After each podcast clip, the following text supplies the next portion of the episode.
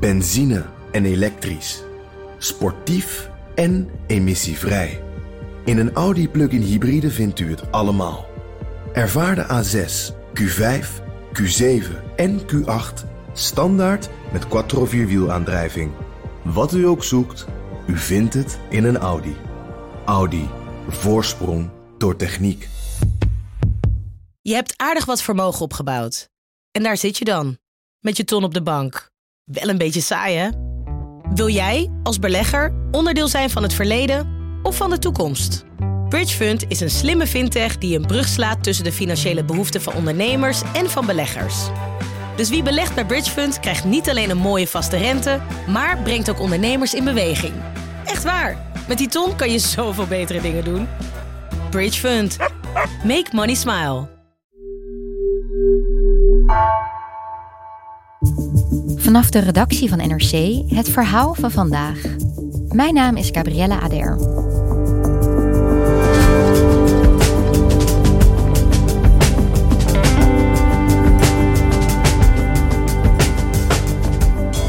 Tientallen jaren vulde Saoedi-Arabië zijn schatkist met olieinkomsten.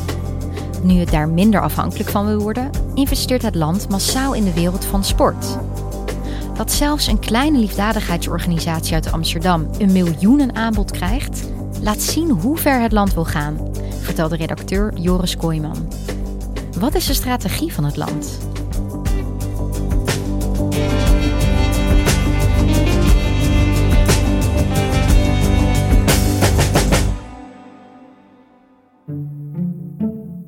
Ik was onlangs in het Westerpark hier in Amsterdam. En ik was daar omdat ik had afgesproken met Jan van Heuvel. Hij is de oprichter van Klaboe. En dat is een uh, sociale start-up, zoals ze het zelf noemen. Het is een organisatie die probeert vluchtelingen toegang te geven tot sport. En toen ik daar was, vertelde hij me over een bijzondere mail die hij eerder dit jaar heeft gekregen. Wij kregen uit het niks een, een, een, e-mail met de vraag of we open stonden voor een uh, gesprek over een uh, mogelijke samenwerking. En daar werd ik natuurlijk heel enthousiast van, want ik dacht van kijk, dit hebben we nodig. Ja, het enthousiasme is wel te begrijpen, want Klaboe is een heel kleine organisatie. Ze zijn afhankelijk van uh, de samenwerking met een paar bedrijven die ze spullen leveren. En verder verkopen ze kleding die ze zelf maken. En met dat geld ja, financieren ze hun projecten. Zo zijn we in gesprek gegaan en toen werd duidelijk dat het ging om mogelijk grote bedragen. En in eerste instantie dacht ik misschien tonnen, maar toen werd het miljoenen.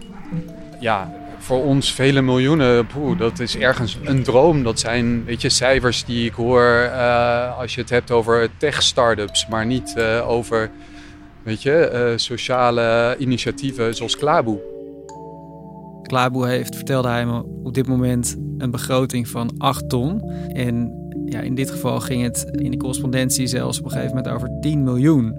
Uh, het zou dus meer dan het tienvoudige zijn van wat ze nu per jaar kunnen besteden. Ik heb verschillende nachten gehad dat ik droomde over wat ik kon doen met die miljoenen. En dat ik dacht, weet je, eindelijk kunnen we mensen echt gaan aannemen, kunnen we gaan uitbreiden. Is dit geen zorg meer? Er was alleen één probleem. Nou, toen werd duidelijk welke financier hierachter zat. En toen werd het meteen een stuk moeilijker. Het geld bleek afkomstig van een organisatie, een grote organisatie, die gefinancierd wordt met geld van de Saoedische staat.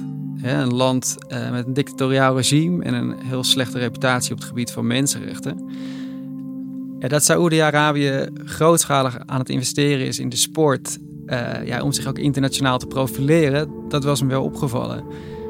Maar dat het geld vanuit de Saoedische staat nu ook uitkomt bij zo'n kleine organisatie als Klaboe, dat zegt iets over hoe veelomvattend die Saoedische strategie misschien wel is.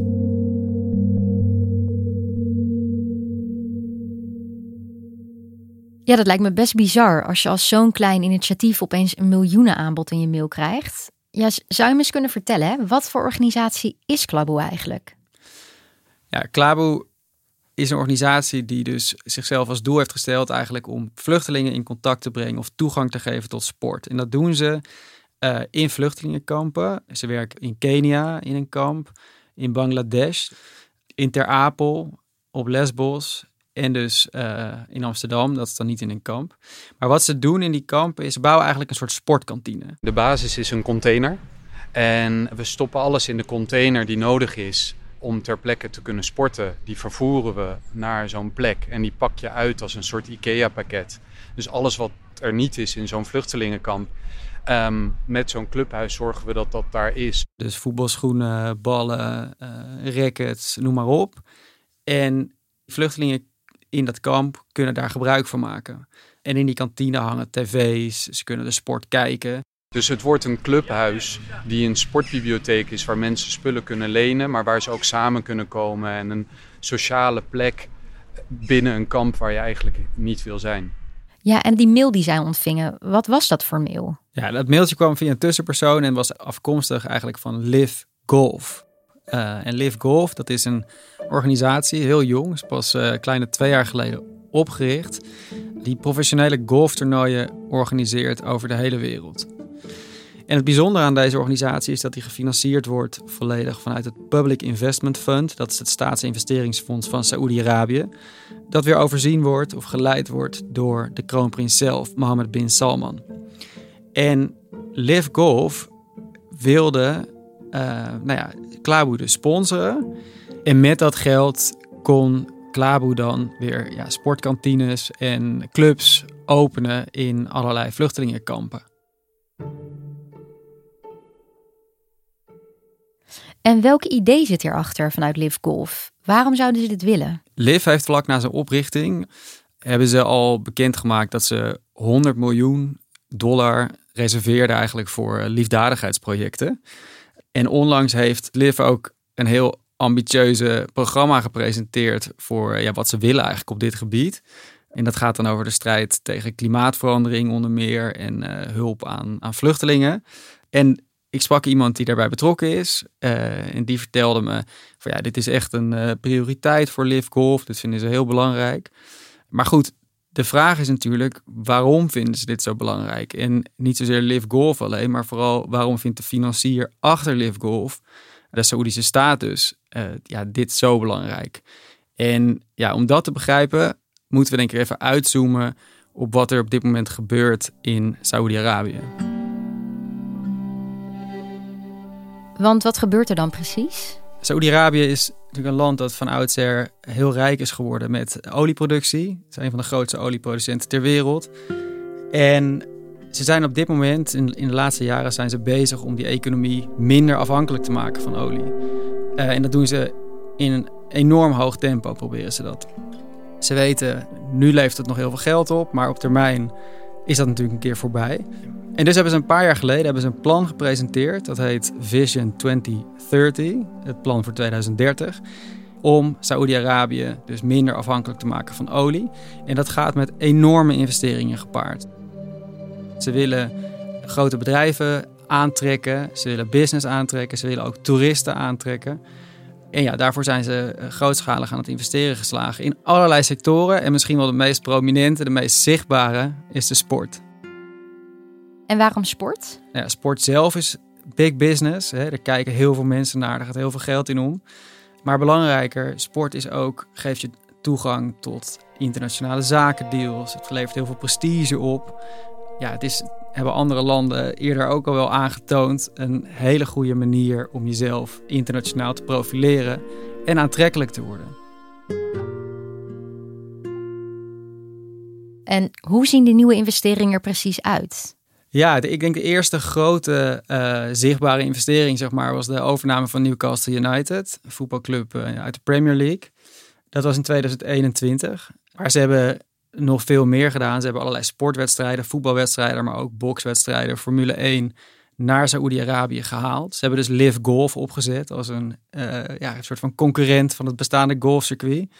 En dat hebben ze gedaan eigenlijk door gewoon heel veel geld er tegenaan te gooien. En topgolfers daarmee te verleiden om naar de toernooien van Live te komen. En uh, ja, niet meer de, de traditionele tour te volgen. En de laatste maanden gaat het vooral over de, al de topspelers die uit Europa ineens naar de Saoedische Pro League, de Saoedische voetbalcompetitie, vertrekken. Dat begon met Ronaldo vlak na het WK in Qatar. En nu gaat er bijna iedere week gaan er wel een paar spelers die kant op. Waaronder hele prominente spelers zoals Karim Benzema, spits van Real Madrid, die, ja, die recent naar Saudi-Arabië is vertrokken. En hoe past die samenwerking met Klaboe dan binnen de grote strategie van Saudi-Arabië als land? Ja, dat heeft te maken met imago. Imago speelt sowieso een belangrijke rol, vaak bij investeringen in de sport. Het is iets waar mensen graag mee geassocieerd worden. Laat een vrolijke kant van jezelf zien, van een land zien. En Saudi-Arabië heeft nogal een omstreden imago in de wereld. Uh, het, is, het, is, een land dat bekend staat om uh, grootschalige mensenrechten schendingen. Er is uh, niet of nauwelijks vrijheid van meningsuiting. Uh, er vinden nog steeds op grote schaal executies plaats. Um, onderdrukking van vrouwen. Onderdrukking van vrouwen. Ja, en dan heb je natuurlijk in 2018 nog de moord op Khashoggi gehad. Kritische blogger die op het Saoedische consulaat in Istanbul is vermoord. En uh, nou ja, zoals de CIA daarna heeft uh, vastgesteld, was dat in opdracht van de kroonprins zelf, Mohammed bin Salman, die dat overigens altijd heeft ontkend. Maar goed, dat is op dat moment denk ik dat Saoedi-Arabië de reputatie van zowel de kroonprins als het land echt op een dieptepunt was. En sindsdien zijn ze ook heel hard bezig om dat imago op te krikken. En een organisatie als Klaboe, een organisatie die goed wil doen in de wereld, ja, kan daar natuurlijk aan bijdragen. Het is toch, cru gezegd, een hele mediagenieke organisatie. En ja, die kun je ook heel mooi in beeld brengen wat je daar aan bijdraagt. Het Live Golf logo en merk zou geassocieerd moeten gaan worden met het werk van Klaboe. Dat was eigenlijk het idee. Ja, het straalt mooi af op Live Golf. Ja, nou is dat natuurlijk heel vaak zit er een PR-kant aan filantropie. Hè? Daar is Saudi-Arabië en daar is Live Golf natuurlijk zeker niet uniek in. Nee. Maar goed, in dit geval kun je afvragen of je als organisatie ook geassocieerd wil worden met je donor, namelijk waar het geld vandaan komt, Saoedi-Arabië. Ja, en wat laat dit voorbeeld nou zien van Klaboe? Ja, voor mij vooral hoe grootschalig en hoe uitgebreid die strategie eigenlijk van Saoedi-Arabië is. de, de, aandacht gaat natuurlijk altijd naar de grote sterren waarin, uh, waarin geïnvesteerd wordt, uh, die, die alle aandacht trekken. Maar je ziet dus ook op een veel kleiner niveau het Saoedische geld nu binnenstromen, zou je kunnen zeggen. Ik ben ook in het Nederlandse voetballandschap wat gaan rondvragen. En dan hoor je dat hier onder de radar ook van alles gaande is. Hè. Er is Bijvoorbeeld bij FC Twente uh, nou ja, is onlangs de Nationale Voetbalacademie van Saoedi-Arabië langsgekomen. Die zijn uit op een samenwerking daar. Uh, maar ook bijvoorbeeld de Saoedische investeerder die bij Feyenoord en AZ heeft aangeklopt. Uh, of daar wat mogelijk was. Je ziet echt op allerlei vlakken en op allerlei niveaus zie je nu ja, het Saoedische geld aan het werk, zou je kunnen zeggen. Werkt het? Hè? Ik bedoel, lukt het Saoedi-Arabië ook? Kan je daar wat over zeggen? Ja, het is wel vroeg om dat te zeggen, want ja, ze zijn eigenlijk nu pas een paar jaar bezig met deze strategie. En je kunt denk ik pas over een jaar of tien zien of Saudi-Arabië er echt in is geslaagd om die economie minder afhankelijk te maken van olie. Wat je wel nu al ziet, is dat als het gaat over de, de kroonprins Bin Salman of, en, en Saoedi-Arabië, dat het ook echt wel steeds vaker over de positievere kanten van het land gaat in ieder geval. Hè? En dat er toch eh, heel veel mensen ook uh, in de sport en op andere gebieden ja, er weinig bezwaar tegen hebben om, uh, om, om zakelijk of anderszins met, met het land samen te werken.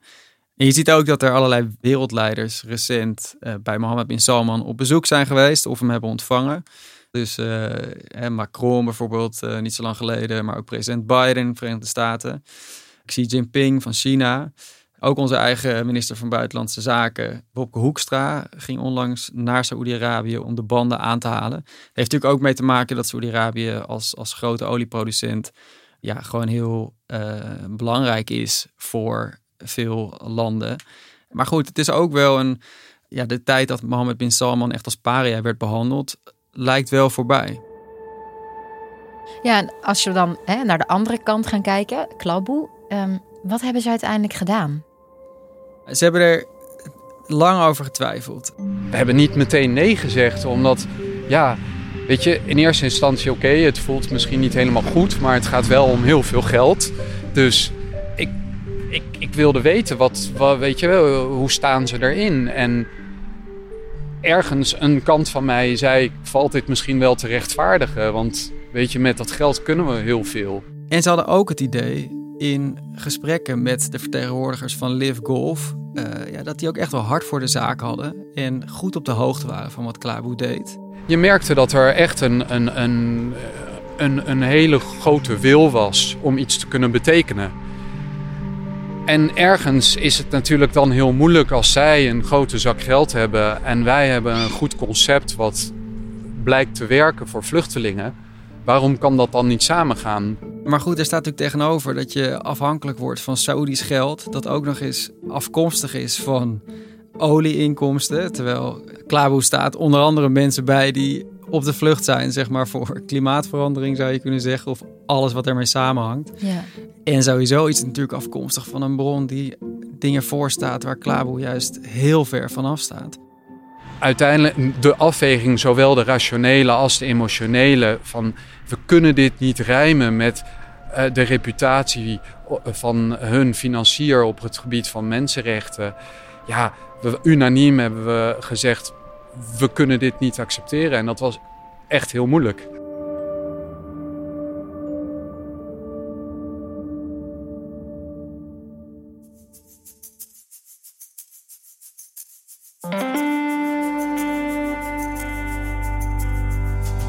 Je luisterde naar vandaag, een podcast van NRC. Eén verhaal, elke dag. Deze aflevering werd gemaakt door Mila Marie Bleeksma en Ruben Pest. Coördinatie door Nina van Hattem. Dit was vandaag, morgen weer.